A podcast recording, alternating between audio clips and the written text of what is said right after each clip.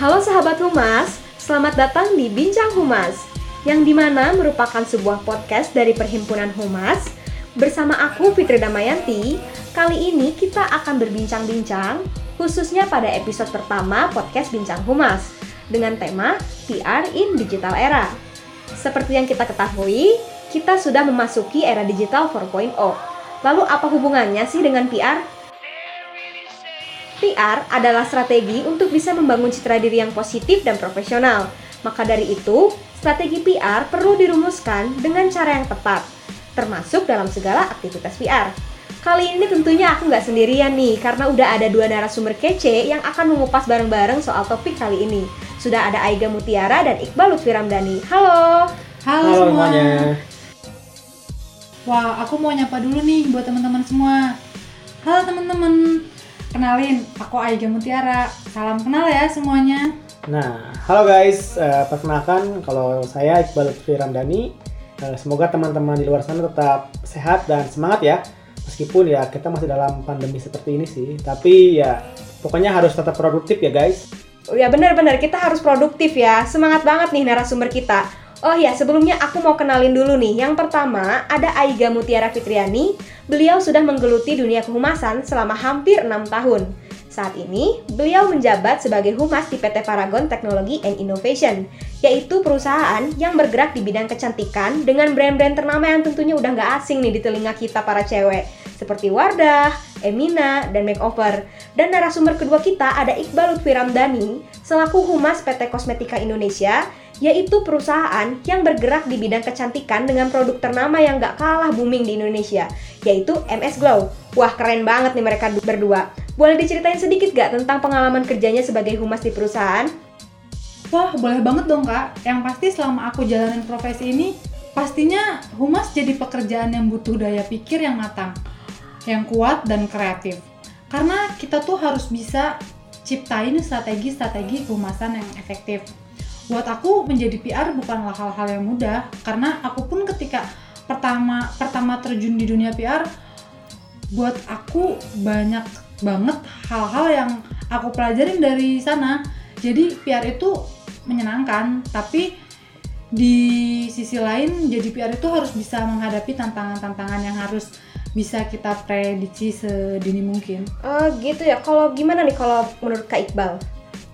Hmm, kalau menurut saya sih ya karena kita sebagai perusahaan yang baru ya, baru banget dan masih sedang berkembang, tentunya hal itu jadi tantangan juga sih buat kita untuk bisa bersaing tentunya dengan brand-brand yang lainnya. Dan untuk sebagai humas juga kita tuh dituntut nih harus lebih banyak membaca, belajar, memperluas jaringan dan menjalin kerjasama dengan beberapa industri dan tentunya juga dengan medianya juga. Tapi ya alhamdulillah sih, eh, walau perusahaan kami baru beberapa tahun berjalan, brand kami tuh mendapat respon positif dari para konsumen dan bisa bersaing dengan brand-brand lainnya yang ada di Indonesia.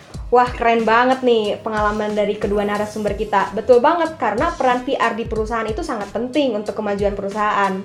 PR itu profesi yang memegang kendali agar perusahaan ini berjalan dengan baik. Betul. Karena dalam kinerja PR itu harus bisa membangun citra yang positif di mata publik. Ngobrolin dunia PR nih, tentunya sebagai praktisi PR kalian eh, harus bisa menyikapi semua perubahan, lanskap industri dan tren bisnis kan. Ya. Nah, berbicara tentang perubahan ini menurut kalian gimana sih peran PR di tengah kemajuan teknologi seperti sekarang? Eh, begini Kak Fitri, kalau pendapat saya sih ya tentunya kita sebagai PR tuh harus mengamati nih era digital sekarang nih banyak banget tantangannya. Hmm. Tapi di sisi lain juga ini bisa menjadi peluang nih buat PR tuh because uh, change is the only constant in life. Mak- maksudnya tuh perubahan tuh terjadi di mana-mana gitu. Hmm. Kita tuh harus mengamati sekitar seperti yang tadi Kak Fitri sampaikan kan tentang model bisnis, perilaku konsumen dan tren tuh selalu berubah. Begitu juga dengan dunia PR. Jadi secara praktik semua jadi jadi gampang, jadi tanpa sekat, jadi nggak ada batasan akhirnya.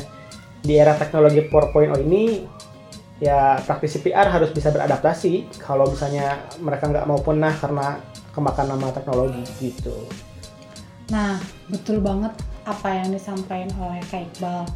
Jadi ketika kita dihadapkan di era digital seperti sekarang, praktisi humas juga harus bisa menggunakan banyak strategi baru dan taktik berbeda untuk mendapatkan hasil nyata demi membangun brand dan reputasi organisasi. Majunya teknologi, kita juga harus bisa bersaing dengan banyak perusahaan lain bukan? Ya, Betul sih, betul ya. Kemajuan teknologi dan transformasi digital telah mengubah tatanan dunia bisnis. Karena kehumasan yang bersentuhan langsung dengan perusahaan teknologi ini harus melakukan peningkatan kemampuan dan kapasitas seperti pembuatan berita, foto, video, komunikasi antar lembaga dan media informasi kan. Nah, iya, tentu tentunya kemajuan teknologi digital eh, revolusi 4.0 ini jadi tantangan besar ya buat kita sebagai praktisi PR di Indonesia. Karena kita dituntut lebih kreatif, menjadikan teknologi, informasi, digitalisasi dan media sosial itu sebagai instrumen kekuatan PR gitu ya. Nah, Nah. betul sih. Ya, gini sih pasti Kak Aiga dan Kak Putri juga setuju sih kalau misalnya internet tuh jadi media yang punya kekuatan yang nyimpan kekuatan dahsyat banget di era 4.0 ini karena Benar-benar benar. dalam pembangunan brand reputation tuh internet tuh sangat berpengaruh banget sih melalui berbagai platform media digital mau media sosial jadi PR tuh harus bisa ngebangun reputasi kredibilitas dan yang paling penting tuh harus bisa eh, apa mengundang kepercayaan dari publiknya itu sendiri gitu Keberadaan internet ini juga sangat bermanfaat banget kan untuk mengiringi atensi publik dalam memberikan penilaian terhadap brand yang bersangkutan. Untuk alasan itu pula, PR juga dituntut mampu mengelola hubungan yang interaktif dan harmonis dengan publik lewat media internet. Nah bener, pasti kalau internet tuh semua orang udah bisa ngakses ya, termasuk kita gitu kan. Nah ngomongin soal internet nih, memang kalau dari data ini nunjukin bahwa 58% pengguna ponsel sulit untuk meninggalkan ponsel, bahkan untuk satu jam sekalipun. Termasuk kita kali ya. Iya, Artinya betul, bisa kita lihat di sini tuh dibutuhin Iya, iya, peran strategis PR untuk membuat lebih banyak konten digital, gitu kan ya? ya Bener banget. Nah, lagi-lagi bener banget nih Kak Fitri, kalau misalnya kita lihat sekarang, tren konsumen belanja via daring pun meningkat kan? Iya, Karena betul. kehadiran e-commerce, bahkan untuk sebagian orang, hal ini udah jadi habitat habitat atau kebiasaan gitu. Apalagi sekarang lagi masa pandemi nih, semua akti- semua aktivitas dialihkan ke daring. Nah, artinya kan kita tuh jadi perlu ini lah, perlu apa ya? Perlu lihat gitu media daring ini bisa kita jadikan kunci. Kita bisa mainkan secara cerdik menggunakan banyaklah cara-cara kampanye inovatif baru entah itu melalui sosial media, entah melalui jaringan internet demi menjangkau audiens yang lebih luas lagi lah pastinya. Bener banget nih. Kalau ngomongin e-commerce pasti semuanya paling sering gitu kan ya. Iya betul betul. Nah, tadi kita ngebahas nih kalau di era teknologi seperti sekarang tentunya jadi tantangan buat PR nih. Menurut kalian tantangan seperti apa sih yang dimaksud? Kalau misalnya kita perhatikan nih Kak Iqbal ya, Ya. Ada beberapa tantangan bagi praktisi PR di era 4.0 ini. Semua key message atau pesan utama dan konten yang kita hasilkan, tulisan, pitch media, blast via media, sosial, unggahan dan bagi bagikan bisa jadi tidak sampai ke target pembaca dan pasar yang ingin kita capai. Alhasil semua upaya kerja keras program PR tidak akan ada dampak, bahkan nol alias zero impact. Nah, berarti ada satu hal penting ya yang harus kita pahami bahwa praktisi PR ini di era teknologi seperti sekarang, konten yang bagus ini nggak cukup ya gitu ya? Nah, Iya. Betul betul. Eh, maksudnya tuh seperti ini. Belum tentu konten kita dibaca oleh oleh audiens. Kenapa coba? Kenapa tuh? Karena adanya kompetisi meraih atensi. Nah, fakta menariknya adalah menurut Dewan Pers nih ya, ada 47.000 media di Indonesia saat ini. 47.000 tuh, aduh, banyak banget Oh, kan? jelas sih banyak banget ini. Iya, eh, apalagi di setiap jam ada 200 juta orang yang menonton YouTube. Wih. Ada 1,3 juta konten per menit yang diunggah ke Facebook dan ada 4 juta foto yang diunggah ke Instagram per jam dan yang terakhir itu ada 6.000 kicauan yang dibagikan per detik Wah, Twitter. gila sih, tuh. banyak banget banyak sih ini. banget tuh.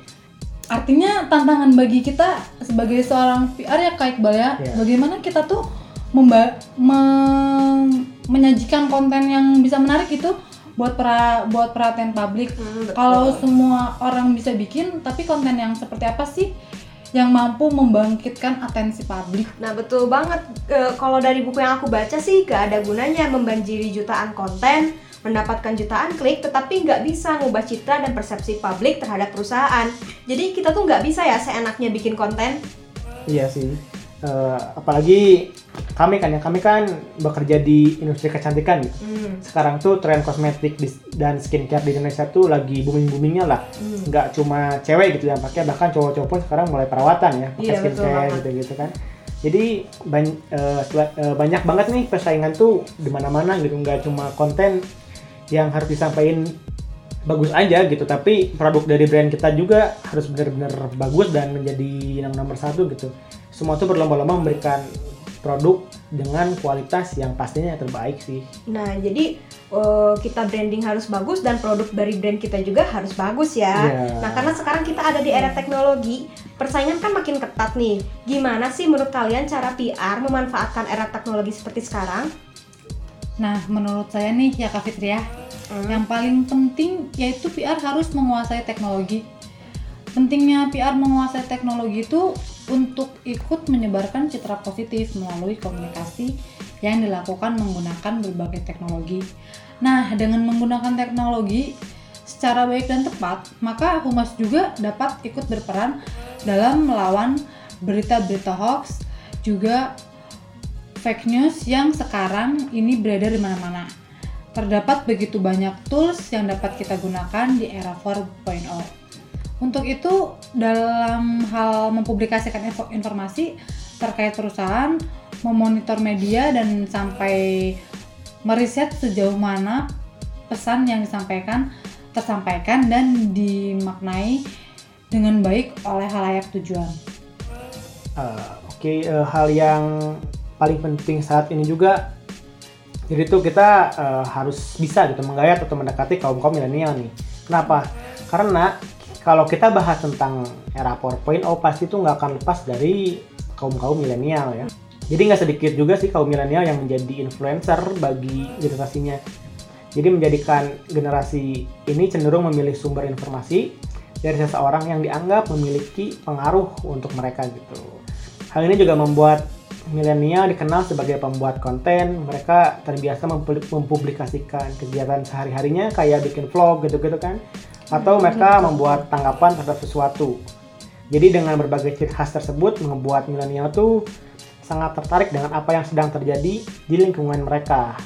Ini yang menjadikan milenial pemegang peranan yang paling penting di era 4.0 ini sih kalau menurut saya. Nah, betul banget nih. Kaum milenial kayak kita tuh pasti sering banget gunain teknologi. Hmm. Dalam era digital, udah tentu kita harus buat konten sebaik mungkin dan bisa meraih atensi publik kan sebagai seorang PR. Betul, Menurut betul, kalian betul. nih, gimana sih cara buat konten PR di era digital seperti ini?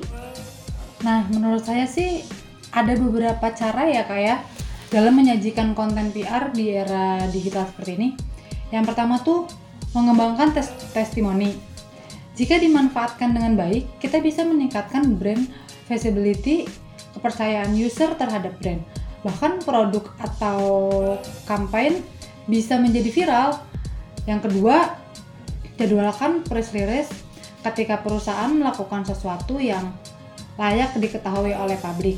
Nah, yang ketiga nih, yang terakhir, kita harus terus menerus newsfeed dan memposting media sosial yang pastinya. Iya sih bener, media sosial pasti semua orang udah eh, sering make ya termasuk kita Iya. Nah kita tahu kan sekarang tuh lagi banyak eh, influencer nih Kan mereka juga bisa mempengaruhi publik buat beli produk kan Nah menurut kalian hadirnya influencer ini bisa jadi saingan PR atau gimana nih? Nah justru kalau menurut saya nih influencer tuh malah bisa menjadi sebuah peluang gitu untuk Hmm. untuk kita untuk PR ya daripada karena daripada kita menghabiskan banyak waktu berjam-jam untuk menembus pasar yang baru menurut saya sih lebih efektif ketika kita berteman dan bekerja sama dengan influencer dengan menjaga hubungan baik. Jadi secara nggak langsung tuh kita bisa dapat akses yang instan ke banyak audiens dari influencer tersebut. Betul nih tapi juga meningkatkan brand visi- visibility tanpa harus ribet-ribet susah payah untuk melakukan campaign. Nah betul nih, karena kan eh, media ini ada ya segelintir yang memang eh, ada apa kalau kita lihat ini eh, adanya fake news gitu ya. Nah, berbicara tentang media relation nih, tentu bagi praktisi PR seperti kita ini harus berhadapan dengan semua platform dan konten yang sangat banyak dan besar kan. Artinya praktisi PR ini tetap memerlukan media yang kredibel untuk memberikan ulasan positif seputar perusahaan dan dan brand mereka juga kan. Iya, iya.